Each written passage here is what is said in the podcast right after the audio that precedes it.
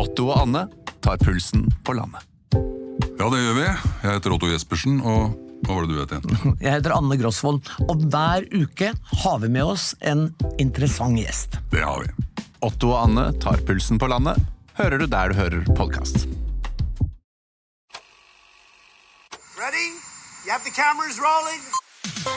He was hosting boozy parties in Downing Street. But when the president does it, that means that it is not illegal. I have a dream. We will win this election and we will change the country together.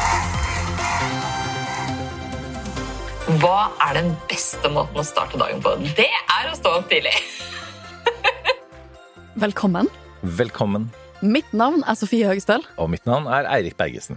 Og dette er rett og slett absolutt siste gang, har vi lovt oss selv, at vi teller, fordi dette er vår tiende episode av denne podden, som vi, vi startet uten å ane helt hva vi holdt på med, eller hvor lenge vi skulle gjøre det. Vi kommer til å fortsette. Det var noen som spurte faktisk på Instagram. Selvfølgelig. Um, så vi får gjøre noe kakefeiring eller noe sånt nå før Vi må, vi må rett og sommeren. ta en kakefeiring før sommeren, for vi har jo ikke ordentlig feiret at vi vant Alle mot alle. Så jeg føler som vi må kombinere kakefeiring med at vi har vunnet Alle mot alle, og har laget ti episoder med pod, og det har vært så gøy. Og apropos før sommeren, vi skal ikke slutte i, i, i sommeren. Oh, altså, vi er ikke stortingspolitikere. Eller det er du faktisk delvis. vi skal eh, glede dere til det. Altså, Ja.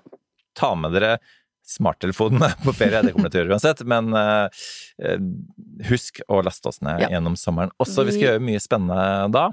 Vi skal utnytte vakuumet som ligger i massemedienes ferie. Ja, og så skal vi, vi tenker, vi holder på å lage noe, det vi håper blir noen kule sommerspesialer, så det er bare å glede seg. Eh, Men dette er da altså vårt nokså uhøytidelige, veldig personlige forsøk på å, ba, på å gå bak ukas nyheter, lete etter sammenhenger og si noe om fremtiden, på jakt etter det store bildet slik vi ser det. Hver fredag, og dere hørte det nå gjennom sommeren, altså. Skal vi begynne med det lille bildet, kjære Eirik? Jeg skjønner at du har vært på, på fest i denne uken.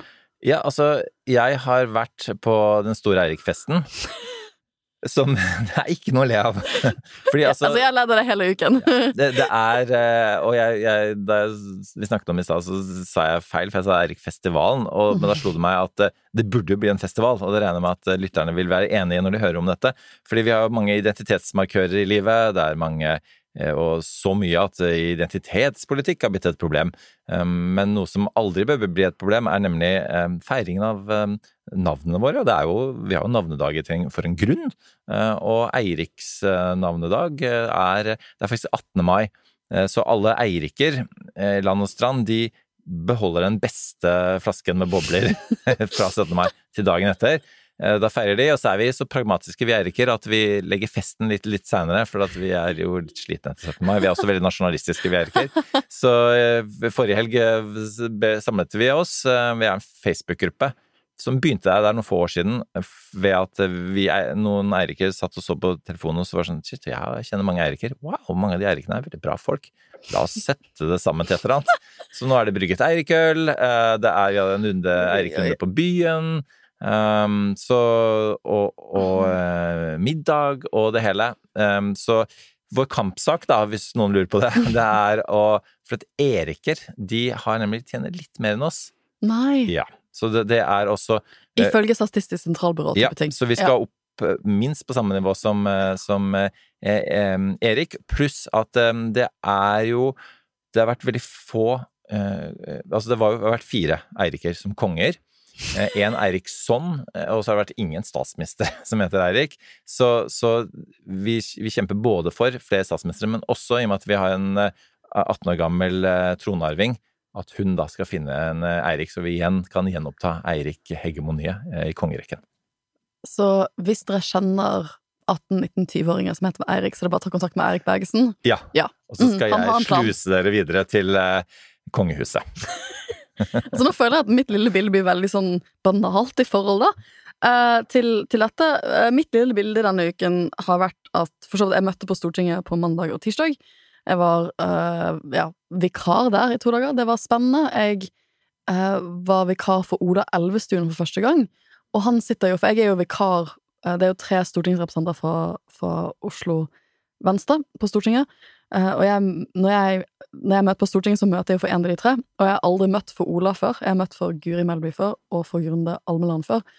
Men denne gangen var jeg Ola, og det betyr at da sitter jeg på, sitter jeg på Ola sin plass. Da var det en annen plass på Stortinget, så jeg måtte liksom finne riktig det, var liksom, det var det mest nervøse på mandag. Å finne riktig plass i salen som var Ola sin plass. Eh, og så sitter jo han i komiteer jeg ikke har møtt i før. Han sitter i miljøkomiteen og transportkomiteen. Um, så det var jo rart å skulle være vara i to komiteer jeg aldri har møtt dem før. For de hadde sommeravslutning. Men det var veldig hyggelig, så jeg fikk være med på sommeravslutningen til disse komiteene. Uh, jeg har aldri møtt disse folkene før, men de var, de var skikkelig hyggelige. Så det var god stemning. Hvis jeg hadde mm, vært deg, eller hvis du hadde vært meg, så ville jeg ha sittet der med en T-skjorte hvor det sto 'What would Ola Elvestuen do?' Og når det er sagt for vi har liksom, Jeg føler at vi har litt ekstra god tid på lillebildet i dag, for at vi har litt kortere storbilde. Mm. Fordi gjestene våre kan ikke være her så lenge. Da skal jeg by deg og um, lytterne på en Ola Elvestuen-anekdote, som egentlig er en Geir Pollestad-anekdote. Geir Pollestad Nå er jeg spent. Kjent for mange nå via revidert eh, nasjonalbudsjett, som var jo den mannen som landet det eh, eh, for Senterpartiet. Eh, Og han, eh, eh, han sa i et avisintervju en gang at eh, når han hører Ola Elvestuen snakke om nettopp miljø og klima, så får han lyst til å ta bilen sin på tomgang. Altså, Husker du det sitatet? Jeg husker sitatet. Det si det er, det er, jeg fikk skikkelig prestasjonsangst å skulle møte for Olaf. han er jo så utrolig flink på dette feltet, politikkfeltet. Det er jo ingen som er flinkere enn han på, på klima og miljø. Det er ingen som er med. Jeg har aldri møtt noen som er så engasjert som det han er. Så jeg følte det var, jeg var veldig sånn Sånn a lesser version than. Så heldigvis var det bare to dager, og det var ikke, sånn, det var ikke noen store saker vi skulle jobbe med. Men Men drev Geir eh, Pollestad skulte litt på deg? Du så at han hadde vært klar til å sånn, sette bilen i fri? Nei. Og, Så kan ane hvem jeg er. Jeg snakket ikke med, Han var jo opptatt med å prøve å lande revidert nasjonalbudsjett, så jeg har aldri møtt han. Men eh, det andre lille bildet mitt denne uken er at men jeg har jeg må bare avslutte den Geir Pollestad. Jeg er ikke Å, ferdig. ja, beklager. Nei, du er ikke ferdig? Jeg er ikke What? ferdig med Geir Pollestad slash Ola Elvestuen-anekdoten min. Fordi eh, jeg hadde han nemlig på scenen på All Makt. Hvem er sånn- han? Det, det, dette er en, nå er vi på Geir Polstad. Okay. Um, det, altså Ønskemålet var jo selvfølgelig å ha de to sammen samtidig, uh, men uh, sånn er det. Vi må realitetsorientere oss i eh, mediebransjen. Så, uh, men så har Geir Polstad, så spør jeg han om akkurat dette. Det er på scenen på, på All Makt på en sånn satireforestilling, sånn at vi så, så måtte, Hvor kom det sitatet fra? For han fikk jo en del kritikk for det. Og så beklaget han seg veldig for at han angret til en viss grad, da. eh, Og fordi at han hadde var en journalist som drev og maste så veldig, og det var noen sitatsjekker og så videre, og så hadde han til slutt Um, og han var på vei til hytta, og så hadde han kommet på hyt- eh, til hytta, og så hadde han liksom bare trykket OK på en, på en sitatsjekk, eh, og så, og så havnet dette på trykk, da. Og da kunne jeg dette er, dette Jeg vet at det er en veldig lang oppbygging for noe som ikke nødvendigvis er veldig god punchline, men punchline var i hvert fall like fullt at eh, den SMS-en som han angret fra hyttetur, hva kunne jeg da si? Ja, nå skjønner du kanskje hvor jeg vil hen. Men det var i hvert fall ikke den eh, verste SMS-en en Senterpartipolitiker har sendt fra hyttetur! Ah, Var det verdt det? Det var verdt det. Litt. Nesten. Nesten. Um, men mitt, min andre lille bilde denne uken, som også kan hete sånn et innblikk i en USA-ekspert sitt liv, er at vi går jo alle rundt disse dager og venter på at Høyesterett i USA skal faktisk komme med den ordentlige abortdommen. Vi har jo snakket om abortsaken før på podden, men det vi har fått, er jo et I hvert fall du går og tenker Altså, jeg liker hvordan du sier sånn Vi går jo alle rundt og tenker på Du har ikke gått rundt og tenker på Jo, at jeg, jeg har det. Altså, vi alle i dette studioet, ja, men ikke alle i Nei, Norge. nei, men jeg Altså, jeg Men at- veldig mange oppsiktsvekkende mange, det er litt derfor vi snakker om disse tingene. Ja, og, men det er jo litt det at det er ikke så mange Jeg er vel den eneste USA-eksperten som er jurist.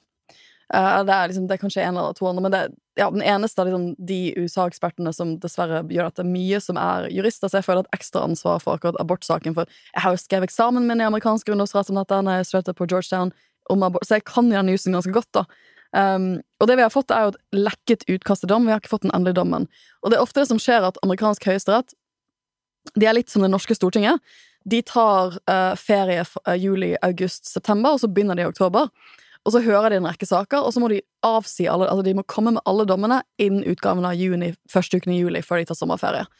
Um, og det som ofte skjer, er at de kontroversielle sakene de hoper seg opp til juni-juli månedsskiftet. Uh, så på tirsdag um, så fikk en, en av de første sånne telefonene fra journalister, det blir nok mer de neste ukene, om sånn Tror du denne abortdommen kommer i dag? Så da måtte jeg forklare stakk- stakkars norske journalister hvordan dette fungerer. For amerikansk høyesterett det er jo veldig preget at det er en sånn institusjon fra 1700-tallet. da. Så det de gjør, er at de sier aldri når en dom kommer. Eh, De er veldig sånn hemmelighet. Det er derfor det var så store nyheter at denne domsutkastet lekket, for det er ikke sånn de jobber, da. Men sånn de jobber, er at um, hvis du går inn på amerikansk høyesterett sine nettsider, så har de en sånn kalender. Og det de gjør er at når de skal komme med dommer, så guler de ut dagene i kalenderen, og det gjør de ofte uken før. Så i går så satt jeg liksom og sjekket kalenderen for neste uke, for da, nå har de begynt å gule ut neste ukes dager, så nå vet jeg hvilken dag er neste uke så det kommer dommer. Så når en dag er gul, så vet du at det de gjør da, at da begynner de klokken ti om morgenen amerikansk tid, så fire uh, om ettermiddagen norsk tid. Da begynner de å legge ut dommer. Og så vet du ikke hvor mange dommer de legger ut. Men det de gjør at hvis det er mer enn én dom, så legger de det ut med ti minutters mellomrom. Og så legger de det ut etter uh, ansienniteten til dommeren. Så liksom de mest senior, altså liksom mest juniordommerne sin dommer slipper de først, og så går de etter ansiennitet etter det. Så det er sånn skikkelig myteomspunnet. Jeg, jeg så denne stakkars liksom, NRK-journalisten var sånn Det er sånn, det er sånn. Hun bare sånn Dette er superkomplisert. For de sitter, og uh, Amerikansk høyesterett har aldri, så å si, eller i nyere tid, hatt så mange dommer de har sittet på. Så de, de skal avsi rett og slett sånn 20-30 dommer de neste, disse ukene her. Så sa han at jeg tror ikke abortdommen kommer på, ti, på, på tirsdag, men jeg måtte da sitte på tirsdag og sånn refreshe i firetiden for å se om denne abortdommen kom. Kom, den kom ikke. Det er i hvert fall noe ikke alle Nei, gjør. nei, og jeg, jeg ga ham en sånn for, de av dere som er sånn spesielt interessert, så er det en sånn blogg som heter SCOTUS blog, for sånn, uh, amerikansk høyesterett Den hører jeg på innimellom. ja, amerikansk høyesterett sin sånn um, forkortelse er SCOTUS. Og den bloggen er drevet av noen skikkelig flinke grunnlovsprofessorer og altså, noen av de fremste ekspertene i amerikansk statsrett. Men, det sånn, men de har en live De pleier alltid å ha en livestream, uh, livechat uh, gående, når uh, dommerne kommer med dommer. Så, så jeg, liksom, jeg, jeg sjekker nettsiden til Høyesterett, og jeg er på den live for å se, hva, de, se hva de sier. Um, men, den, jeg, men jeg sa til henne, min magefølelse sånn, den, den kommer ikke ennå, den kommer til å slippe siste mulig mulighet. Så den kom ikke på tirsdag, og den kom heller ikke på torsdag. Så det var som samme, same, same shit på torsdag, hvor jeg må sitte der og liksom refresh, refresh, refresh. Og det blir neste uke også, for neste uke så skal de avsi dommer igjen på tirsdag og torsdag. Så det er bare å glede seg. Det er en, og desto nærmere vi kommer juli, nå begynner vi å nærme oss juli, desto høyere sjanse for at den kommer. Eh, så mitt lille bilde neste uke vil nok antageligvis også være abort i USA. Og når den dommen kommer, da blir nok dette det store bildet i poden vår. Det blir det helt sikkert. Um, men vi skal jo inn i det riktig store bildet nå. For vi har jo den andre gjesten vi har invitert på denne podden her, som kommer inn i studio nå. Eh, som vi teased forrige uke, og jeg har fått flere venner som har vært sånn Hvem er denne personen som kan norsk utenrikspolitikk så godt, og står opp så tidlig om morgenen? Og, og vi er nok så Vi lever nok i en så USA-ekspert eh, Boble. boble at, at eh, mange av de vi kanskje snakker mest med, iallfall da, eh, de vet det kanskje allerede. Eh, De har lagt to og to sammen. Men hun er jo så travel at hun har ikke Vi hadde ikke lyst til å belemre henne med å sitte og lytte stilltiende til all den eh, praten her. Nei. Så, så vi skal nå straks i gang med en en tour de force mm. av en prat om all things utenrikspolitikk. For å gi oss det virkelig store bildet. Og da, Sofie, kan, er det på tide å avsløre at den personen som sitter ved siden av oss her i Mhm. studio, det er Ine Eriksen Søreide. God morgen. God morgen. Apropos god morgen. Ja. Dette er jo en tidlig morgen. Og Ja. den er god for deg, fordi du er vant til å stå opp så tidlig. Ja. Jeg er litt usikker. Klokka er altså sju. Jeg syns, dere klarer dere bra, jeg. Altså, jeg tenkte på det i dag til at du er den eneste personen jeg hadde stått opp så tidlig for å spille inn podkast med. Og jeg tenkte at jeg har jo egentlig tenkt å si til deg, eh, Sofie, at mm. det å begynne klokka ni er, føler jeg kanskje er litt tidlig. Podkast burde ikke komme i gang med dagen ordentlig osv. Men nå er vi i gang med dagen, og eh, vi to føler jo vel at det å kunne spasere Nå er det sol i Oslo. Til, til jobb da, mm. så tidlig, eh, og føle at man er i gang med dagen så tidlig. Dette bør vi bare fortsette med. Vi burde jo ha det som ambisjon, men om det kommer til å skje, det er et annet spørsmål. Men det, var vel, det føltes veldig fint i dag tidlig. Kan være at vi ender Ja. som både utenriksminister og stortingskomitéleder og Ja. diverse. Det er mye som kan skje hvis du står opp tidlig om morgenen. Eh, Du, du, som du skjønner, det er um, veldig kjekt å ha deg her, eh, Ine, til en, en pod som heter Det store bildet. Eh, Fordi, eh, fordi vi, eh, ja, midt oppi krig og elendighet, så satte vi oss ned og fant ut at dette må vi bare snakke ut om. Og, og nå er du her som, jeg vil si ikke intervjuobjekt, men som samtalepartner. Og det er veldig hyggelig å være her som samtalepartner. Vi får se. jo, vi skal, jeg har allerede du spurte meg om jeg, om jeg var en sånn Bjørn Myklebust, og så sa jeg at nei, jeg er jo ikke journalist, jeg er- jo kommentator. Så var ikke det så veldig beroligende heller, kanskje. Du stoppet litt opp på det. ja, jeg. Nei, Bjørn Myklebust er fin mann. Ja, da, og, og de har sin rolle. Ja, ja, ja. Vi har en litt annen rolle. Eh, Men apropos dette med, liksom, med, med, med programleder og så videre, fordi eh, jeg hadde bare lyst til å begynne med at eh, første gang jeg traff deg, da jobbet jeg på ambassaden i Washington, du var unge Høyre-leder, var med en delegasjon på tur, eh, og så hadde jeg med en delegasjon på tur til eh, Oslo litt etterpå, og det var en gjeng med journaliststudenter, amerikanske, Mm. Og da tenkte jeg at hva er det som kan imponere de? Jo, eh, Ine. Fordi eh, etter at eh, de hadde truffet deg, vi var spiste på Sult, som det het. Eh, ja, ja, den restauranten som ikke fins lenger. det er helt Som også sant. var litt sånn kul, og, Ja. og de hadde reinsdyr og hval, blant annet, på menyen. Og det var rart og nesten litt skummelt for amerikanere. ja, Ganske skummelt, tror jeg. og så husker jeg ei av de, jeg vet ikke om du husker det, men hun sa Oh my God. Eh, fordi da jobbet du også på, i Metropol TV Stemmer. som programleder, med blant annet Anders Hornsten. Ja, AUF. Det stemmer. Og så sier hun at Oh my God, you have your own political party and your own TV show. Ja. Så veldig amerikansk spørsmål. Og- og- Wow! Ja, altså det var jo ingenting som imponerte mer på hele den turen. Dette var lenge før du fikk den voldsomme politiske ansienniteten du i ettertid har fått. Og vi møtte den ene og den andre. Eh, Så, så det Ja. Og Det er liksom Det er jo bare det at eh, amerikanerne skjønner kanskje ikke at formatet er bitte lite grann mindre i Norge enn i USA på sånne ting. Men det var, det var en veldig morsom tid, for jeg, eh, på den tida så var jo var det jo veldig mye som skjedde. Jeg kom jo inn på Stortinget litt uten å uh, ha planlagt det.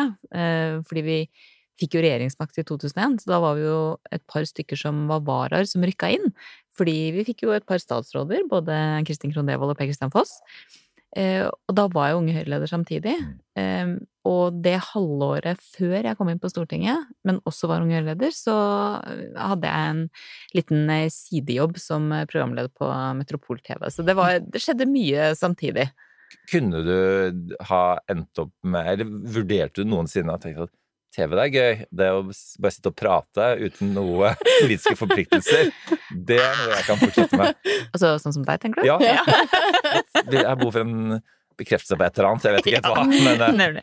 du må Nei, gjerne altså- avvise meg. Nei, nei, altså eh, jeg, jeg, Men jeg vil helst si at jeg har vært ganske eh, Altså, jeg syns det var veldig, veldig morsomt å jobbe med TV, og jeg lærte jo utrolig mye av det som jeg har hatt kjempestor nytte av seinere.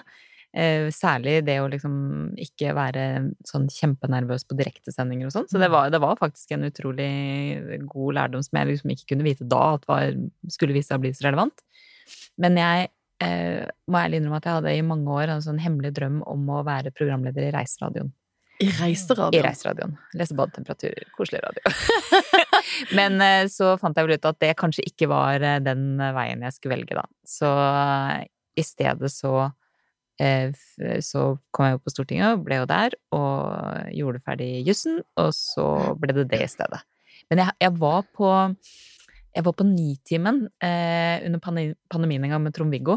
Og han hadde også fanga opp det her eh, badetemperaturønsket. Så da fikk jeg lese badetemperaturer. Det var veldig stas. Da, da kommer du inn på Stortinget, og da sitter du i det som het Kirke- og utdanningskomiteen. Kirke, utdanning og forskning. Og forskning, ja. Ja. Ja. Mm. Eh, og så blir du leder for den i den andre perioden din på Stortinget. Og det var jo sånn jeg ble kjent med deg, for da var jeg student etter da 2005 til 2009. Det er Og det var, ja, det var første stortingsvalget jeg stemte i, var 2005. Nettopp. Jeg blir student uh, i London.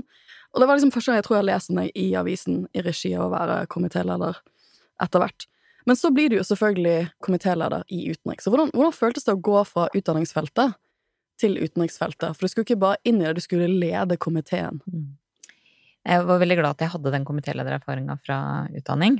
Um, Men jeg var jo absolutt ikke helt sikker på at det skulle gå. Det er jo litt sånn man tenker når man får et stort spørsmål som du må svare på. Og eh, Jeg husker veldig godt at altså, mye av det som gjorde meg engasjert i politikk, var jo EU-kampen i Mm. 94. Eh, Jeg var superengasjert, ikke sant, og meldte meg inn i Unge Høyre og gønna på med ja-kamp i Nord-Norge, som jo var bare sånn måtelig vellykka, jeg kanskje si, men eh, erfaringsmessig var det jo veldig bra, da. Men det var eh, Det var på en måte litt eh, litt skremmende, og da jeg fikk det spørsmålet Det var jo på den tida av året hvor alle Altså, det var et nytt storting, komiteene skulle settes, alle partiene skulle fordele sine representanter i de forskjellige komiteene.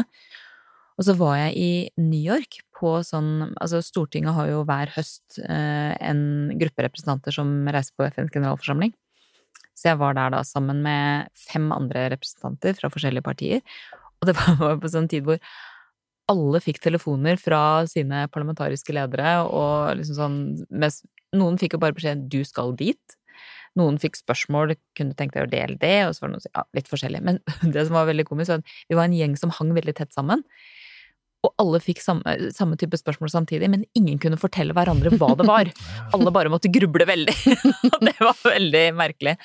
Og jeg var veldig usikker på om liksom, kommer det her til å gå, og liksom alt mulig sånt. Og så eh, Erling Sande i Senterpartiet, veldig fin fyr, han eh, grubla jo også. Han hadde også fått et ganske sånt stort spørsmål, for Erna hadde jo ringt og spurt om jeg kunne tenke meg å overta der. Og så så, så han jo at jeg gikk og grubla, han gikk og grubla, og så sier han ja. Altså, jeg kan jo selvfølgelig ikke spørre helt hva du grubler på, men jeg kan bare si én ting, gi deg ett råd. Det er at det fins alltid en exit, men det fins ikke alltid en inngang. Og det rådet var akkurat da veldig sånn ah, selvfølgelig. Altså, if the shit hits the fan og alt går skeis, så kan du slutte. Men det gjør jo ikke det, ikke sant? Men kanskje får du bare én sjanse i livet til å si ja til noe. Og det rådet har jeg tatt med meg seinere, og det har jeg gitt til veldig mange. Eh, Jeg holdt eh, tale for avgangselevene på Ullern i forrige uke, og da ga jeg dem det rådet også. Så eh, det, ja, det var litt skremmende, men jeg er veldig glad jeg gjorde det. Så du får dette rådet høsten 2009. Mm. Du sitter i New York. Du blir leder for utenrikskomiteen. Men som du sier, dette var jo, utenrikspolitikk er jo tydeligvis noe som brakte deg inn i politikken, så det var ikke, det var ikke et nytt interessefelt for deg på det tidspunktet. Det var det ikke. Nei. Men så ser vi liksom For det, det, vi snakker jo mye om uh, Vi snakker, har snakket veldig mye på den om uh, hvis vi hadde visst i 2009 hva vi vet Oi, nå. da er vi en sånn liten jingle. Jingle. Ja, ikke sant? Hadde vi aldri trodd det. Sier det litt sant? for ofte. Vi Det, vi sier det altfor ofte. For jeg, jeg er fortsatt i London-ish i 2009. Ja, eller kanskje praktikant i UD. Det er kanskje den tiden hvor vi overlapper i UD. Um, og hvis noen hadde sagt til meg liksom, idet jeg går ut av, av studien i London, at uh, om ti år så kommer Boris Johnson til å være på vei til å bli altså, statsminister i Storbritannia, og Trump, han fyren fra Apprentice, kommer til å være president, Mm. så hadde jeg aldri trodd det. aldri trodd det. Um, og hvis noen hadde sagt for så vidt at om 15 år så er det 15-20 år så er det krig i Europa, så hadde jeg heller ikke trodd det. Uh, for du, du kommer jo egentlig inn i utenrikspolitikken på vei inn i en ganske urolig verden. For du, først leder du komiteen i fire år, og så blir du utenriksminister i 2013. Eller nei, du blir, du blir forsvarsminister først. Mm. Men hvordan føltes det å gå inn i forsvars- og utenrikspolitikken som statsråd i 2013? For føler verden har endret seg ganske mye mellom nå og 2013. Veldig mye. Og på det tidspunktet så tror jeg jo at flere så at den altså liksom sånn rettlinja utviklinga vi jo hadde hatt gjennom ja, mye av 2000-tallet, hvor liksom ting bare egentlig gikk bedre og bedre på mange måter. Det ble liksom mer og mer demokratisk, og mer og mer frihet, og liberale verdier sto sterkt og sånn. Den, det, det var liksom litt luggeføre noen steder. Eh, Men så var det jo selvfølgelig ikke lett å vite på det tidspunktet om det var uttrykk for en stor endring, eller om det var en, en slags sånn korrigering, som jo av og til kommer. Uh, Og jeg hadde jo ikke vært uh, forsvarsminister uh, veldig lenge før anneksjonen av Krim i begynnelsen av februar. Eh, Jeg har fortalt den historien et par ganger, men den, den er, jeg syns den er ganske sånn talende på hvor brått endringene skjedde. For jeg hadde reist til Brussel på mitt første eh, forsvarsministermøte i Nato. Jeg hadde vært forsvarsminister i fem dager. Fordi møtene ligger alltid liksom sånn i midten av oktober, de, de forsvarsministermøtene. Og var jo selvfølgelig veldig spent og sånn, men hadde jo vært, Syns jeg var heldig som hadde med meg erfaringa fra å lede utenriks- og forsvarskomiteen og sånn. Så på det møtet så er jo Fogh Rasmussen fortsatt generalsekretær. Eh, og Sergej Sjojgu, den russiske forsvarsministeren, er gjest på møtet.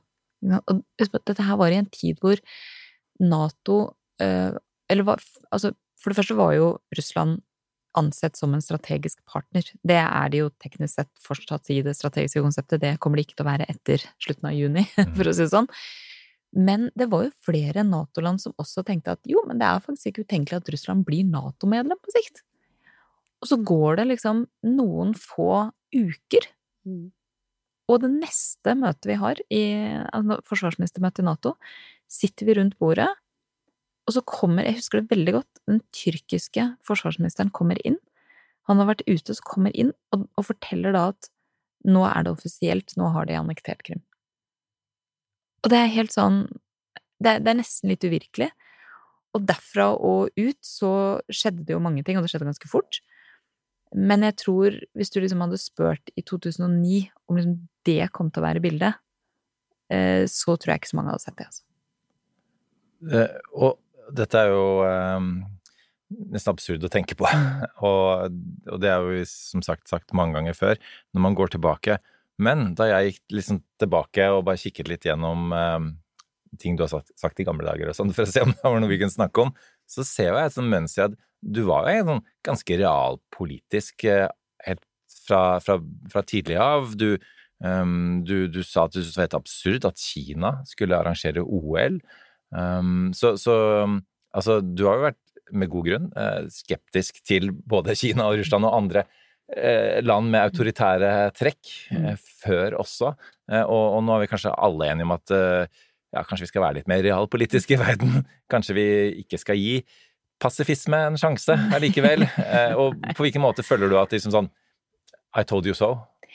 Jeg, jeg tenker nok at liksom de aller fleste har jo antageligvis hatt øyeblikk som har vært eh, ganske hva skal vi si, klare, og man har tenkt at ok, her, eh, her så man noe som kanskje kom. Andre ganger så tror jeg man har øyeblikk hvor man tenker at her så jeg absolutt ikke det som kom.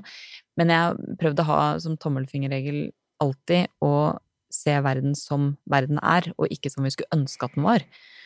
Og det tror jeg er ganske viktig, fordi eh, også når du driver med politikk på et visst nivå, så er jo er det jo ofte enkelt å forsøke å tenke at jo da, men eh, dette kommer til å gå bra, det blir ikke så ille, eller at du har um, en situasjon hvor du er liksom veldig opptatt av at relasjonen til et bestemt land eller andre ting skal liksom være veldig bra. Og derfor så, derfor tror jeg det er viktig å bare se på realitetene. fordi hvis vi skal klare å ivareta norske interesser, eksempel, eller, eller globale interesser, så, så nytter det ikke å drive med ønsketenkning om verden.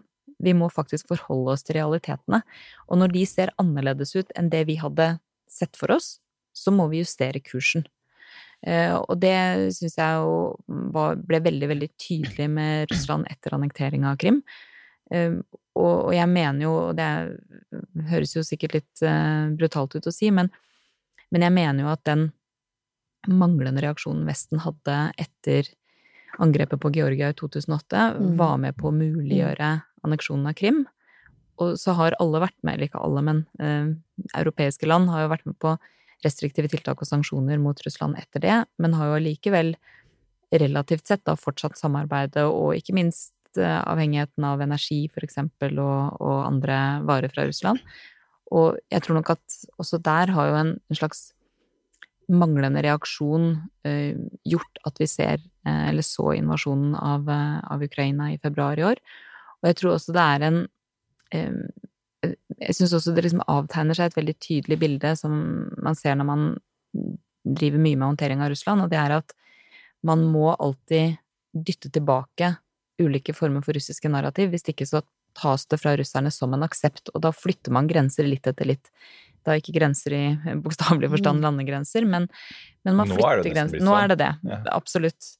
Men, men, hvis man på en måte ikke um, trekker opp de, eh, de, grensene, så endrer det seg. Jeg syns det er spennende det du sier med Georgia, for jeg studerte jo internasjonal politikk i 2008 i London, og det var jo knapt et tema heller på studiet når det skjedde. Jeg hadde jo venner fra Georgia, og jeg forska jo på internasjonal strafferett, og den internasjonale straffedomstolen har et, et, et, eh, har jo en etterforskning, pågående etterforskning i Georgia, så jeg har jo vært der.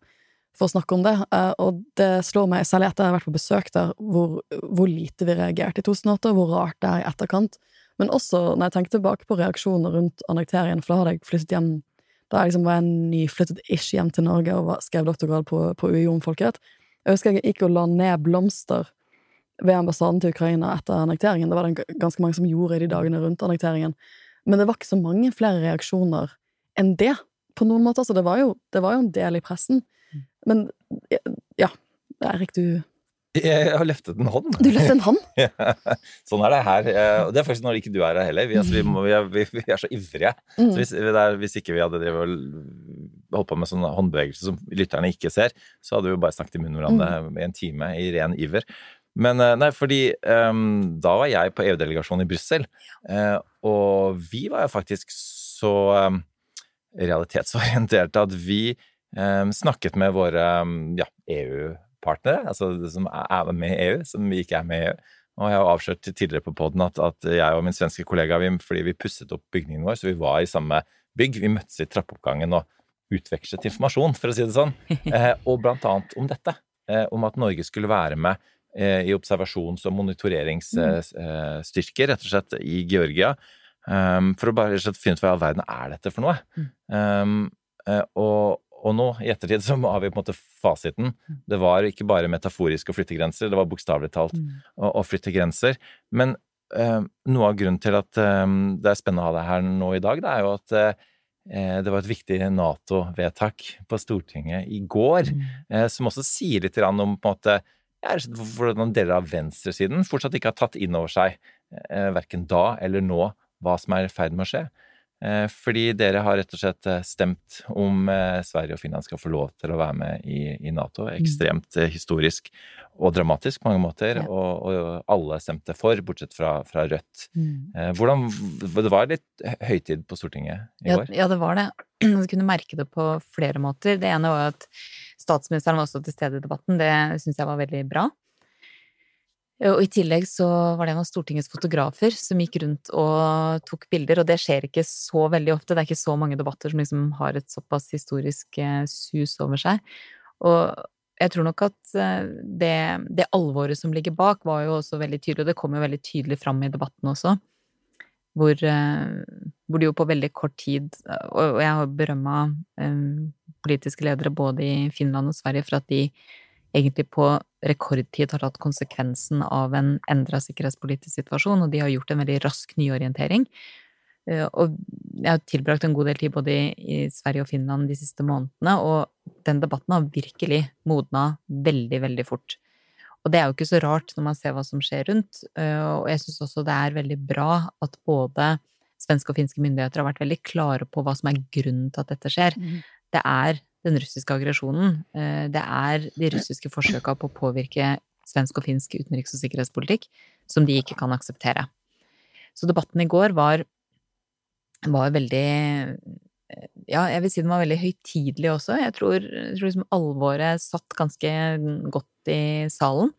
Og samtidig så var det en veldig eh, tydelig front også mot eh, Rødt og til dels SV. Altså SV har programfesta at de ikke vil ha østutvidelse, og det inkluderer jo Finland og Sverige, men de bestemte seg likevel for å stemme for. Eh, og det syns jeg er bra, for det var jo en, det var jo en konklusjon de trakk som tilsa at vel, det standpunktet er ikke på en måte en um, Vi kan ikke stå inne for et standpunkt der vi nekter Sverige og Finland å komme inn. Rødt derimot eh, gjør jo det. Eh, og det er veldig fascinerende, fordi Rødt agerer jo, etter min oppfatning, og det sa jeg i debatten i går også, eh, etter en arbeidshypotese om at politikk ikke har konsekvenser. Altså at, at de kan bare mene hva de vil, eh, fordi de der og da står aleine om standpunktet. Og så har det liksom ikke konsekvenser. Det er jo på samme måte som Rødt med stor moralsk patos, etter å ha tenkt seg litt om, har kommet fram til at de støtter Ukrainas frihetskamp, men de nekter jo å donere våpen til Ukraina. Så de nekter jo da å gjøre det som kan hjelpe Ukraina i denne frihetskampen, så det blir en veldig sånn hul støtte.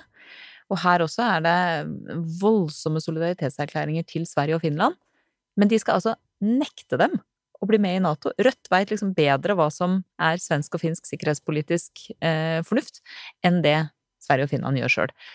Eh, og det var det jo ganske mange som, eh, som påpekte i debatten i går. Eh, og, jeg tenker at det er et sånn veldig godt bilde på at Rødts politikk bare ikke henger på greip eh, når de blir konfrontert med realitetene. Og for å komme litt tilbake til det vi snakka om i stad, Mm. med å se på verden som verden er, og ikke som man skulle ønske at den var, så er jo eh, noe av det som jeg ofte har sagt i debatter, enten det var som forsvarsminister eller utenriksminister, når man skulle ta vanskelige beslutninger, så er det noe med at som, som ansvarlig politiker så har du ikke den luksusen eh, at du kan forholde deg til dette på liksom, det teoretiske plan. Du må ta en beslutning. Og det å ikke ta en beslutning er også en beslutning som har konsekvenser. Altså det er jo ofte man kunne tenke seg at hvis jeg bare liksom skyver dette litt bort, eller bare lar være å mene noe eller, eh, eller ta en beslutning, så, så forsvinner det. Men det gjør jo ikke det. Eh, Og det at du ikke tar en beslutning, er også et valg med konsekvenser. Og den luksusen eh, som en del teoretikere har, til å, til å kunne liksom la være å Oss ta på stilling universitetet. Mm. Nei, det var ikke deg jeg tenkte på da. I media? Er det, hvem er det du Det er særlig, særlig kommentatorene. Særlig. Nei da. Absolutt ikke. Men, men det, er, det tror jeg er viktig å tenke på noen ganger, at, at du står du står i masse dilemmaer hele tida. Det finnes ingen perfekte løsninger. Det er mer eller mindre dårlige løsninger av og til du må velge mellom. Eh, Og det tenker jeg at er eh, noe som man Altså man, dels må man forstå det når man er politiker, men jeg tror det er viktig å liksom skjønne at det også er en rammebetingelse eh, når du ser det fra utsida. Da, da, har jeg, da har jeg et oppfølgingsspørsmål. For det, igjen, jeg tenker sånn Mitt inntrykk av deg som forsvars- og utenriksminister, for så vidt, det begynner jo Det begynner å krystallisere seg rundt Krim. For det, du var jo veldig tydelig, når vi sier i etterkant, i en del av dine utsagn fra 2014, som også for, for så vidt fikk kritikk på det tidspunktet. For da, da gikk du ut og sa i 2014 jeg sa jo det at forholdet til Russland er varig endra. Ja. Og det var det mange som ikke likte. Og det var et kontroversielt standpunkt på det tidspunktet, at dette, dette kommer til å endre vårt forhold til Russland.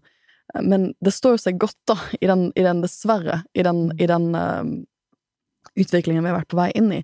Men er det da du liksom begynner å skjønne at oi, denne, denne perioden jeg skal være statsråd på disse feltene her, eh, nå er vi på vei inn i en annen æra, egentlig. Mm. For vi har snakket mye om at vi føler at vi lever i en slags brytningstid i verden.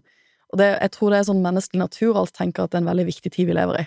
Og at dette, dette må være en viktig tid, eller en historisk tid.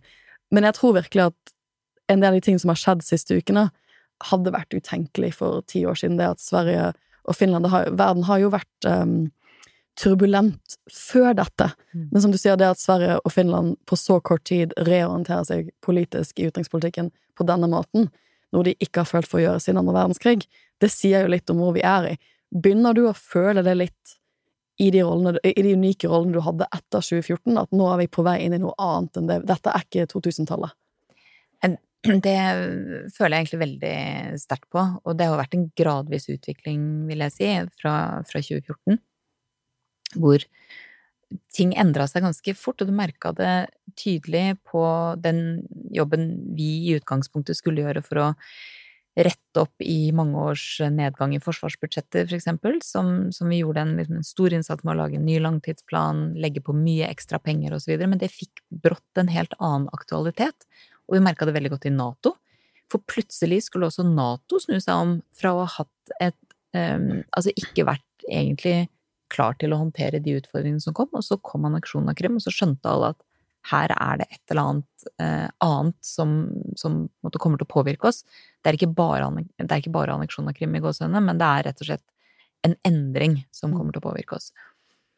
Og, og det gjorde jo at både at Nato utvikla nye planer, vi var veldig engasjerte fra norsk side i å liksom, eh, ja, ligge foran for å få Nato til å endre seg.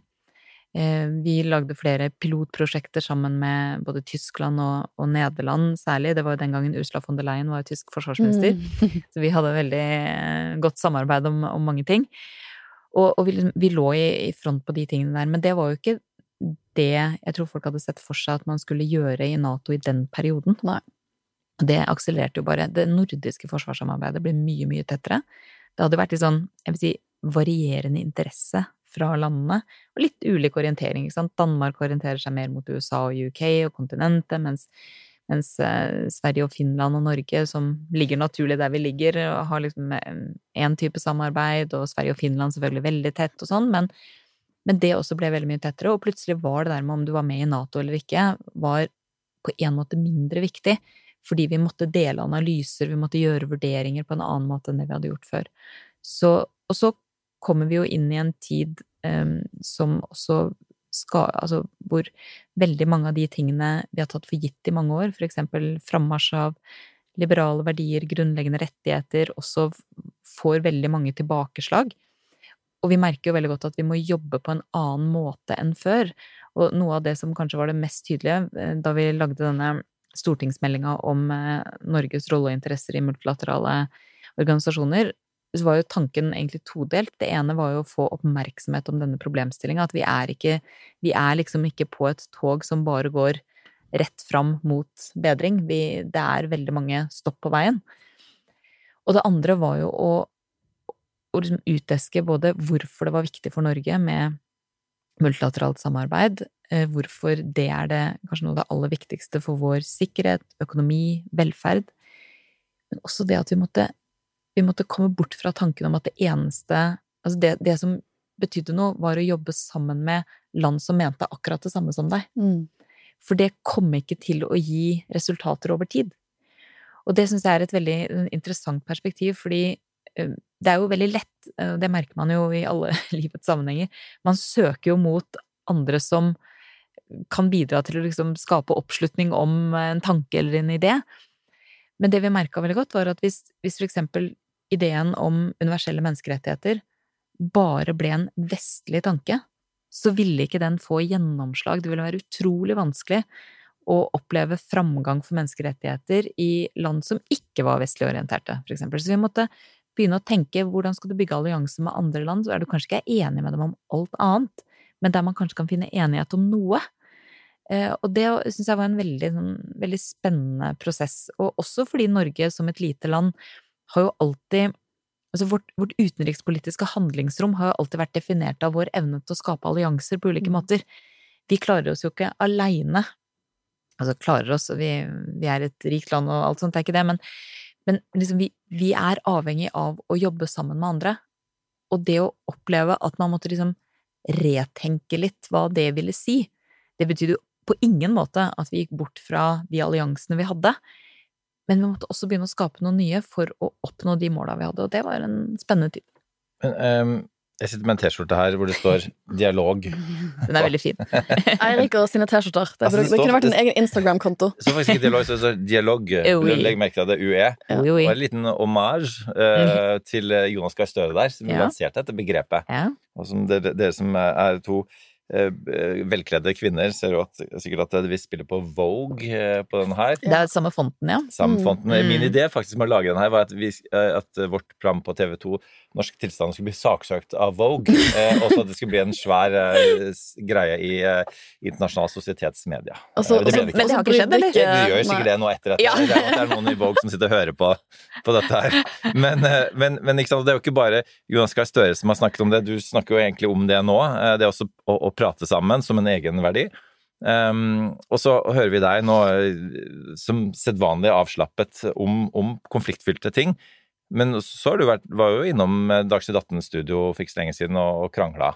Skjedde du tok på deg en sånn, sånn sinna stemme med, med tidligere diplomat Kai Vi, vi, trenger ikke å snakke om det hvis ikke du vil. Det går fint. Ok, det går fint. Ja, for, altså, bare en, en, kjapp runde på det. fordi altså, det, det, det, ble så opphetet eh, at uh, du ble sett kalt at, at, du bedrev overgrep mot offentligheten, eller ytringsfriheten. Dette, dette sa denne tidligere diplomaten i Klassekampen. Ja. Ja. Hvordan var det å, å, bli hengt ut som en ytringsfrihetsknebler? ja, nei, det var jo eh, ganske spesielt. Jeg, jeg syns jo for det første det er en veldig spesiell karakteristikk når man veit hvilke overgrep mot ytringsfriheten som faktisk foregår I rundt i verden. Ja. Eh, og spesielt i, i Russland. Um, og så syns jeg det også var merkelig fordi um, Kai Eide er jo en eh, person som har veldig fri tilgang til offentligheten med sine analyser og sine meninger, i likhet med alle andre, og det er veldig bra. Det mener jeg er positivt for eh, debatten. Eh, men så, jeg, så sa jeg etter eh, den russiske invasjonen av Ukraina at dette er ikke tiden for å forstå, men å fordømme. Mm. Og med det så handler det jo ikke om forståelsen som i kunnskapen om, det vet jo også denne tidligere diplomaten veldig godt. Det er jo, mener jeg, et en utrolig viktig side av eh, den norske både Russlands og generelle politikken. Altså, etter den kalde krigen så var det veldig mange land som bygde ned sine russlandsmiljøer. Det gjorde ikke vi. Det mener jeg er en enorm styrke for oss, som gjør at vi forstår sannsynligvis mer av den politiske og militære utviklingen i Russland enn det mange andre land gjør. Og det betyr også at vi kan gi informasjon til andre land, ikke bare for å fortelle om at nå skjer det en eh, opprustning der eller en forflytning der, men også fortelle om hva som ikke skjer. I en veldig oppheta Altså en, en tilspissa sikkerhetspolitisk situasjon, så kan ofte det å ta ned ting også være en viktig side, og det kan vi bidra til. Ehm, men det jeg mente, var at det har vært eh, mange som har hatt tendenser til å ville forstå i betydningen anerkjenne Russlands motiver og Putins motiver. Og jeg tenker at for alle som, uh, som, er med i den offentlige diskusjonen, så må man også tåle å bli utfordra på det. Jeg må tåle å bli utfordra på ting jeg sier, det gjør jeg hver eneste dag. Og jeg fikk jo kritikk, som du sa, da jeg mente at forholdet til Russland uh, var varig endra. Og det måtte jo jeg tåle å stå i, det var en meningsytring fra min side. Og andre som har andre meningsytringer, må jo også tåle å bli konfrontert med dem. Ja, fordi um, uh, det er jo lov å si at, at, norsk utenrikspolitikk ofte blir for konsensusorientert, i den forstand vi er altfor enige på en måte som gjør at vi i realiteten dysser ned reelle interessemotsetninger. Så, så du, det er jo jeg skjønner at det er jo ikke hyggelig å sitte som vi sitter nå, så tett i et studio og, og forsvare seg mot uh, denne typen anklager, men, men, men det er jo en, en del av en en, en viktig debatt i, i, våre dager. Absolutt, og ytringsfriheten i Norge har ekstremt vide rammer, og det skal den ha. Det skal være rom for både ulike meninger, ulike tanker og ulike analyser, ikke minst. Men det kan jo heller ikke være sånn at, um, at ytringsfriheten skal sette begrensninger for det å kunne utfordre meninger. Eh, og det syns jeg er et ganske viktig poeng. Altså, um, Andreas Slettholm skrev om det i Aftenposten for ikke så lenge siden, og hadde jo, syns jeg, et par gode analyser rundt det å tenke at selv om et standpunkt eller en meningsytring er uh, ansett å være et godt stykke ute på sida, så er det jo ikke sånn at det skal få stå der og liksom vokse i fred uten å bli motsagt, bare fordi at, at det ikke er så mange andre som mener det. Mm. Og det mener jeg også er en, en vesentlig del av, av den norske utenrikspolitiske debatten, at vi er nødt til å vi er nødt til å dyrke eh, diskusjonen. Den trenger ikke alltid å være tilspissa på noen måte, men vi må, må både få fram meningsforskjeller og, og tåle at eh, man også konfronterer meninger man er uenig i. Vi må runde av snart, for du må jo tilbake på Stortinget og gjøre den ordentlige jobben din. Eh, men før vi gjør det, så vi er jo to USA-eksperter, så vi må innom det vi kaller for Trump Watch. Quiet, quiet, quiet. You are a rude, terrible person. For det, du er jo den første gjesten vår inne, men forhåpentligvis ikke den siste som har møtt Trump. Ja. Og vi trenger ikke å gå altfor for langt inn i det, uh, men det er jo en historie som jeg har hørt før, som vi må, vi må bare sveipe innom. Og jeg har en bitte liten bro på det, fordi ja. du nevnte pilotprosjektet i stad, og da tenkte jeg Og dette må jeg notere, eh, fordi eh, du har en pilothistorie med Donald Trump. Ja. Fortell. Ja, nå, nå pakker jo du det inn på en litt mer spennende måte enn det er, det er min, enn realiteten eh, skulle tilsi. Nei, altså um, Erna og jeg var jo da gjester i Det hvite hus, um, og dette her um, var jo på et tidspunkt Jeg hadde akkurat blitt utenriksminister. Så det var etter valget i 2017? Det er helt riktig. Mm. Så dette var i januar-februar, tror jeg det var, i 2018.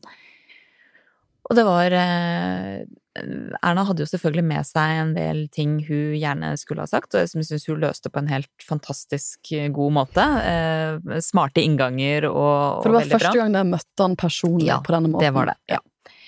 Eh, og, og, samtidig så Og jeg var jo med, og så kom samtalen inn på blant annet da kjøp av amerikanske jagerfly F-35. Eh, det var et spørsmål om ubåter og, litt forskjellig, og så sier Erna men nei, men det, det kan du spørre Ine om, for hun har nettopp vært forsvarsminister. Og så på en eller annen, eh, for meg litt uforklarlig måte, så, så han spurte om, um, om jeg hadde flydd F-16, og det hadde jeg da gjort. Og når du flyr baksetetur i F-16, så flyr du jo sjøl også. Mm. Så teknisk sett hadde jeg gjort det, men han tolka nok det som at jeg også var jagerflypilot. og jeg hadde jo en drøm i min barndom om å bli pilot, jeg er ekstremt interessert i fly. Eh, så, så, så tenkte jeg sånn Ja ja, hvor mye tid skal man egentlig bruke på å rette opp det inntrykket? Nei, jo, altså Jeg prøvde jo å si liksom sånn Nei, men jeg er ikke liksom, Men jeg tror ikke han helt liksom fanga opp nei. det. Og så tenkte jeg jeg kan ikke prøve en gang til å si at nei, men jeg er ikke jagerflypilot. Så det, det ble jo en liten, eh, en liten festlig historie, så han trodde nok da kanskje at jeg var det. Og sånn apropos de her journalistene. Liksom, jeg var eh, ungdomspolitiker, hadde mitt eget TV-show og er jagerflypilot. Altså, det er jo helt fantastisk! Og det er noe veldig mange amerikanere som tror. Er de, altså, det, dessverre er jo et flertall for republikanere som tror på det Donald Trump sier, selv om alle, alle andre vet Nå at det er for løgn. meg at du bare kommer på besøk på Mar-a-Lago der spiller litt golf, og så snakker du liksom om pilothistoriene dine. Eh, Ja. Nei. Av alle, realitet, av alle realitetsorienteringer rundt Trump, så den, synes jeg, den, den skal vi bevare. Det kan du bruke til et eller annet. Vi skal, vi skal slippe deg løs straks, men uh, jeg lurte litt på For jeg tror den gangen Vi har jo møttes før, men eh, jeg har liksom erindringer at vi er i samme studio rundt valget i 2020 og rundt stormingen. Jeg mener Ja, at Jeg føler at stormingsendingen for meg eh, den var så surrealistisk. Men jeg, jeg mener at du kommer inn i studiet etter hvert. Og det var sånn, ok, det er en voksen i rommet nå Ja. som, som skal snakke om hva som skjer her. Hva, hva, hva tenker du om det som skjer i USA nå? Sånn på vei ut. Nei, jeg er nok eh, ganske bekymra for liksom skjørheten i den politiske det politiske systemet akkurat nå. Og, og det handler jo om at og Jeg tror jeg sa det i forbindelse med valget også, at man må jo, man må jo ikke tro at dette her blir enkelt for Biden. Eh, Dels så skal den prøve å fikse en pandemihåndtering som på det tidspunktet gikk rett i utforbakke. Økonomien gjorde det samme. Eh, Og selvfølgelig alt annet som dreier seg om den veldig polariserte politiske diskusjonen som gjør det nesten umulig å finne sammen om politiske løsninger. Og jeg har jo jobba mye med det opp gjennom åra, og også sett på mye statistikk som, som sier noe om hva republikanere og demokrater stemmer sammen om, Mm. og, og den liksom, det blir jo bare færre og færre ting. Mm. Og det har jo også sammenheng med at eh, republikanere og demokrater de bor ikke samme steder, de ser ikke på de samme nyhetene, de går ikke på de samme skolene. Det er altså splittelse på alle mulige måter. Og det begynte jo ikke med Trump, Nei. men han brukte det jo veldig aktivt for å styrke sine argumenter, og liksom brukte det som et polariserende eh, virkemiddel. Men, men det har jo vært der i mange, mange år, og jeg akkurat nå så klarer jeg ikke helt å, å se hvordan eh, man på en måte skal klare å få den politiske diskusjonen eh, helt tilbake på sporet igjen. Når det er sagt, så mener jeg at noe av styrken eh, i kjølvannet av, og for så vidt både under storminga og i kjølvannet av det, var at institusjonene sto imot. Og det tenker jeg at det er en eh, Det er viktig å tenke på av og til at institusjonene faktisk har en funksjon. Mm. Eh, Og den var usedvanlig viktig 6. januar. Og man har jo på en måte altså 6. januar Jeg satt i TV 2-studio med Anniken Huitfeldt for øvrig. Ja. Eh, og, em, og, og, og den gangen, jeg bare legge til det, for da var jo hun i opposisjon, du var i posisjon. Da var hun veldig kritisk, og, og du, var, du var veldig kritisk du òg etter hvert, men du hadde jo vært gjennom fire år vært som du sier, altså prøvd å forstå og prøvd å ha en dialog med USA, det er viktig alliert osv. Um, uh, men altså, vi uh, vi er jo i en situasjon nå hvor ikke, ikke bare er forholdet til Russland endret, men forholdet til USA er jo endret på en måte. Vi, vi kan jo ikke stole på dem på samme måte, kan vi det? Altså, jeg, jeg mener vi kan stole på USA. eh, Og det at jeg var Trump kommer tilbake nå. Ja, det at, det at jeg var så kritisk som jeg var eh, både 6. januar og i dagene etterpå, og, og, og la skylda på Trump for, for det som skjedde, at han måtte ta ansvaret for det, det er jo, som jeg var inne på i stad, et utslag av å se verden som den Som er. Eh, og det mener jeg man alltid må gjøre. Men det at vi Altså, det samarbeidet vi har med USA, det er ekstremt sterkt, og det har bare blitt forsterka de siste ti åra, vil jeg si. Og jeg tror ikke det er noen grunn til å forvente at det kommer til å endre seg på noen måte, men det som, det som bekymrer meg, er amerikanernes evne til å finne løsninger på sine politiske problemer. Eh, enten det gjelder fattigdom eller det gjelder utdanning, eh, for å nevne noe.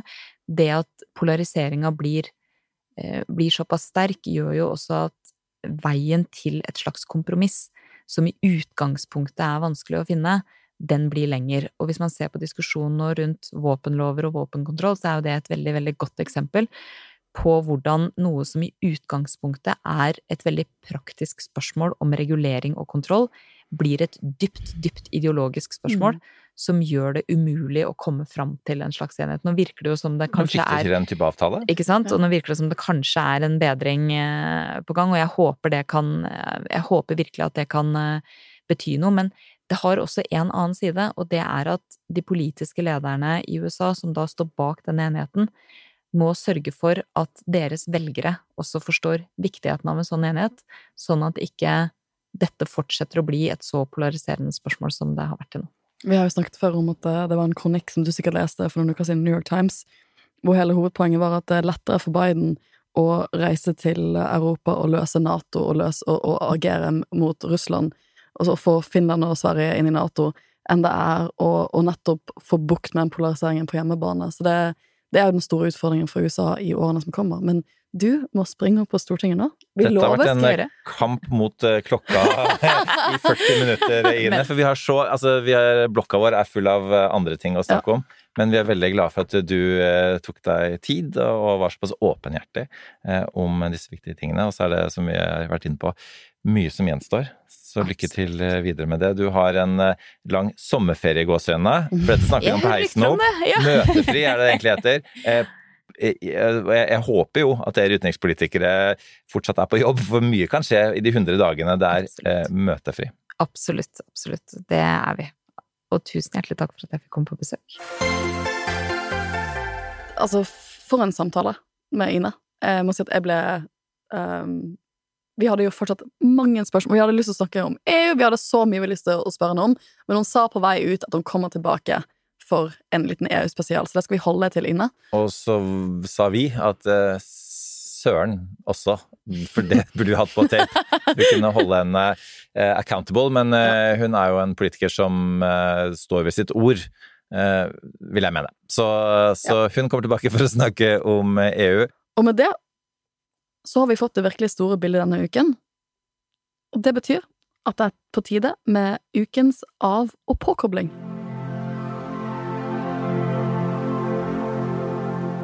For denne uken har jeg faktisk tenkt å begynne. Um, For en av mine Dette er en av mine favorittsteder i nyere tid. Kom ut med sesong to for en stund tilbake. Den serien heter Hacks på HBO. Og jeg føler at den har ikke fått nok omtale i Norge. Um, jeg, jeg må si at det, det er en utrolig morsom komedie, da. Mellom, som går ut på en sånn aldrende komiker uh, som har et stageshow i uh, Las Vegas, og som da etter hvert får inn en ung komiker som skal hjelpe henne å fornye showet sitt og skrive nyere, og treffe liksom nyere generasjoner på en bedre måte. Eh, men jeg skjønner, du har også sett denne serien, Erik? Ja, jeg har det. Eh, Og det var sånn morsomt, for du, du eh, skrev det inn i Google-doksen vår, så, Mm. så trodde jeg at det var jeg som hadde skrevet inn, så kom jeg ikke på at, at jeg hadde gjort det. For det var, kunne jeg fint ha gjort. Mm. Og jeg kunne fint ha gjort det denne uka, for at jeg har begynt på sesong to. Det har du òg, kanskje? Eller? Jeg har nettopp blitt ferdig med sesong to. Ferdig med sesong to. Du, du er jo mye raskere enn jeg meg. skal- skal- skal Nei, du, du er jo altså bingingens eh, dronning. I know, I know. Jeg har ikke noe liv. Det var, var ikke det jeg sa, men det var det jeg mente. Ja. uh, nei da. Uh, men, men altså, så ok, men for det jeg var spent på, var at sesong én var såpass bra at er uh, to like Jeg bra. føler at to er like Jeg tror faktisk kanskje jeg liker to bedre enn én. oi. Jeg, jeg likte veldig godt måten den runder av på. Jeg, jeg gråt faktisk litt under finalen. Liksom, den rørte meg litt. En, altså, men den, hold, den holder seg veldig uh, troferdig og til konseptet, da. Uh, og jeg må bare si at altså, skuespillerne i denne serien er bare Altså, altså uh, Jean Smart er bare helt fantastisk. Det er hun som spiller denne aldrende komikeren uh, Deborah Vance, og hun, hun spiller bare det jeg liker med serien, er at hun er en sånn skikkelig female antihero. Ikke sant? Hun spiller helt usmakelig rik eh, komiker eh, på en helt fantastisk måte. Men eh, for det er et sånn springende punkt eh, i den serien er jo eh, denne unge millennialen Mm. som, som, som har denne ja, litt sånn woke humoren som den aldrende komikeren ikke helt Mm. forstår, i hvert fall gjennom hele sesong én. Eh, Og er det, altså er spørsmålet er på det, er det en person man identifiserer seg med eller ikke? Du er jo eh, 35 og med det noen år yngre enn meg, Sofie. Var det sånn du, er- var det, var det din protagonist i dette? Altså, Hannah er jo i virkeligheten sånn ti år yngre enn meg, tror jeg. Okay. Eller ja, nesten ti år yngre enn meg. Uh, hun som spiller Ava, som er denne unge komikeren. Så jeg føler det er et lite generasjonsskifte. Jeg kjenner meg ikke helt igjen i henne heller. Men, eh, men jeg syns det, det, det er bare en utrolig Altså, du kommer til å le mye. Men så er det jo også en serie om vår samtid. altså De greier å knytte, knytte inn liksom mye av, av, av, av problemstillingene i vår samtid da, og ta det på kornet på en veldig morsom måte. Og, og egentlig det som jeg også liker ved det, er, i tillegg til at det er morsomt, da, er jo det der med at eh, fordi hun er såkalt woke, da, eh, og hun på noen og 60 ikke er det. Um, så, så, er det jo, og det er jo egentlig samfunnsdebatten vår i dag, i hvert fall Mm. i sosiale medier. Og, Mm. og de klarer og klarer ikke å forenes eh, om bare helt tatt hvordan man ser på, på livet og samfunnet på. Eh, og det at de iallfall prøver, er jo en eh, interessant ting å følge, da. For det er det jo mange som ikke prøver i sosiale medier. Ja, så Det det, en, eh, det er min, det, da har vi, da har vi vår første felles anbefaling. Ja. Fantastisk. Og, og da har jeg en, um, en påkobling som jeg tror kanskje vi kan enes om. Jeg spurte om du hadde lest den, det, hadde du ikke enda, men jeg, Men jeg tipper at, ja, Ja. og jeg tipper at du kommer til å lese den etter at du har hørt dette. Fordi det er en bok som heter Range, og den har undertittelen How Generalists Triumph in a Specialized World. Eh, Og jeg spurte en, eh, en venninne som jeg så på Goodreads, bruk den eh, appen, folkens, hadde lest den. Og spurte jeg er det en bok du vil anbefale, for jeg hadde en sånn der audible-poeng som jeg måtte skynde meg å bruke. Og så sier hun at det, ja, den er perfekt for sånne generalister eh, som meg, som trenger bekreftelse på at vi er på rett vei i livet. Og så tenkte jeg det holder mer enn nok for meg, eh, det trenger jeg også. Og taglinen fra Bill Gates, da, det er 'Fascinating if you're a generalist who has ever felt overshadowed by your specialist colleagues. This book is for you. og det har jeg Har følt. du, Nå er du har følt det? Ja, men du er jo spesialisten som også er generalist. Ja, jeg vil jo si at, jeg vil, jeg vil jo si at Så du er, det er sånn one-upping me på den. Nei, jeg- vil ikke, det vil jeg ikke si. Men jeg, jeg tror for meg har det vært sånn interessant utvikling at hadde du spurt meg for ti år siden, så hadde jeg vel sagt at det tror jeg er veldig flink, eller det tror jeg er flinkest til, da, er å virkelig grave meg dypt ned i et tema og bli skikkelig spesialist. Um, og det er jo litt den karriereveien du velger som forsker, for da blir du virkelig spesialisert på sånn ganske snevre og sære temaer, da. Uh, men så føler jeg at um, det er sånn, dette er en debatt innenfor forskningen, for det er jo noen som vil si at den type forsknings... Um, den måten vi strukturerer universiteter på i dag, og forskning på i dag, betyr at unge forskere er nok mer spesialisert enn de var før. Og at det er negativt, da, for når de da blir voksen, når det er da de som skal bli professor, når de som skal bli Frank Aarebråtene, så er de så spesialiserte at de, de har ikke det journalistblikket på fagfeltet sitt som de kanskje hadde for 20 år siden. Jeg vil jo si at dagens unge forskere er jo ofte liksom, de, de har ofte kommet opp med mye sterkere, harde kvalitetskrav enn det som var tidligere. Det er en sånn generasjonskamp innenfor akademia, dette. Men jeg føler jo at min reise har kanskje vært at jeg var veldig spesialist, og så har jeg prøvd bevisst å bli mer generalist eh, de siste fem-seks årene, da. Men du, men du er jo effektivt Rir du to hester samtidig her, Det blir Sofie? flere hester samtidig. Men det som er litt eh, Og jeg er nok uh, veldig generalist. Altså både det å ha studert uh, sammenlignende politikk, det, det å ha tatt aspirantkurs i UD, altså, og nå prate om politikk og sånn. Jeg har til og med mitt selskap, mitt enkeltmannsforetak, heter Politikk og sånn. Nei! Ja. Så, Jo, og det, det er sånn interessant du sier det, for en av de grunnene Jeg var jo praktikant i UD i 2009, og en av grunnene til at jeg tenkte altså jeg, det hadde det, jeg syntes det var kjempespennende å være praktikant ved ambassaden i Haag, men en av de tingene jeg fikk ut av det praktikantoppholdet, det var egentlig at aspirantkurset er ikke riktig for meg. For UD, de lager journalister, og jeg har lyst til å være fageksperten. Men så, så altså, det, UD er jo en fantastisk generalistutdanning. Ja, og apropos profesjonskamp, eh, men UD har jo også veldig mange spesialister, så det var jo det fantastiske med å være der og, og være pressetalsperson og skulle på en måte ringe rundt i systemet hvis det, det var et uh, opptøyer på, i ekvatorial Ny-Guinea. og så er det en person der som har jobbet med dette i 20 år og Mm. kan alt om dette. Så det er, det er jo, e- egentlig så er jo UD en, en fin, eh, også en, en flott kombo av de to tingene. Boka anbefales. Eh, Det er Konklusjonen er at det er mulig å være begge deler. Eh, Han hadde nok ikke hørt om deg og visste at det var mulig å være begge deler samtidig. Eh, At verden trenger begge deler, men ikke minst trenger på en måte noen som da eh, klarer å løfte blikket og, og klarer på en måte også um, Man må jo fokusere på det man gjør, men altså fram til man ender opp som eh, eh, jusforeleser, eller som eh, Ine her, da, eh, i dag eh, som, som utenriksminister til slutt, mm. så, så er det fint å ha gjort mange forskjellige typer ting, for det Mm. gir deg et overblikk. Det gir deg rett og slett en, et blikk på det store bildet. Så du føler at den, denne boken den så deg for den du er, Erik? Den ga deg anerkjennelse? Og podkasten for det den er, ikke minst. Så på, altså jeg leste med henne her på, på våre begges vegne, og lytterne, så den eh, kan anbefales. David Epstein har skrevet den for øvrig, det er ikke han eh, Ja. Epstein, men han er eh, en, eh, en flott eh, undersøkende journalist. Han er veldig, veldig flink. Nei, men Supert. Nå, nå har jeg skrevet den på, som en del av sommerlektyren min. Eh, med det så har vi kommet til veis ende i dagens episode. Neste uke så er det, det er jo mye som skjer i verden. Vi fikk jo ikke snakket om rentehevingen som skjer i USA. Vi får kanskje renteheving neste uke. Så vi, vi kan jo allerede si at neste uke så blir det nok kanskje abort. Vi må nok snakke mer om alt det som skjer med 6. januar-komiteen. I går så brukte jo komiteen, altså tirsdag, eh, torsdag eh, Vi spiller jo en podden på fredag i dag. Torsdag så hadde Så brukte 6. januar-komiteen ganske mye tid på å male opp at hvor ansvarlig Trump var. Under, og det, det kom ut ganske mange avsløringer som vi må snakke om på et eller annet tidspunkt. Og som vi jo Er det én ting vi vet om verden, så er det at eh, et eller annet kommer til å skje som vi ikke hadde forutsagt, Oh, og som yes. antageligvis kommer til å skyve alt dette til side fordi det er on top of our heads, og vi bare må prate om det. Mm. Så vi lyttes igjen neste fredag. Ha en flott helg og en forrykende neste uke. That's enough. Put down the mic.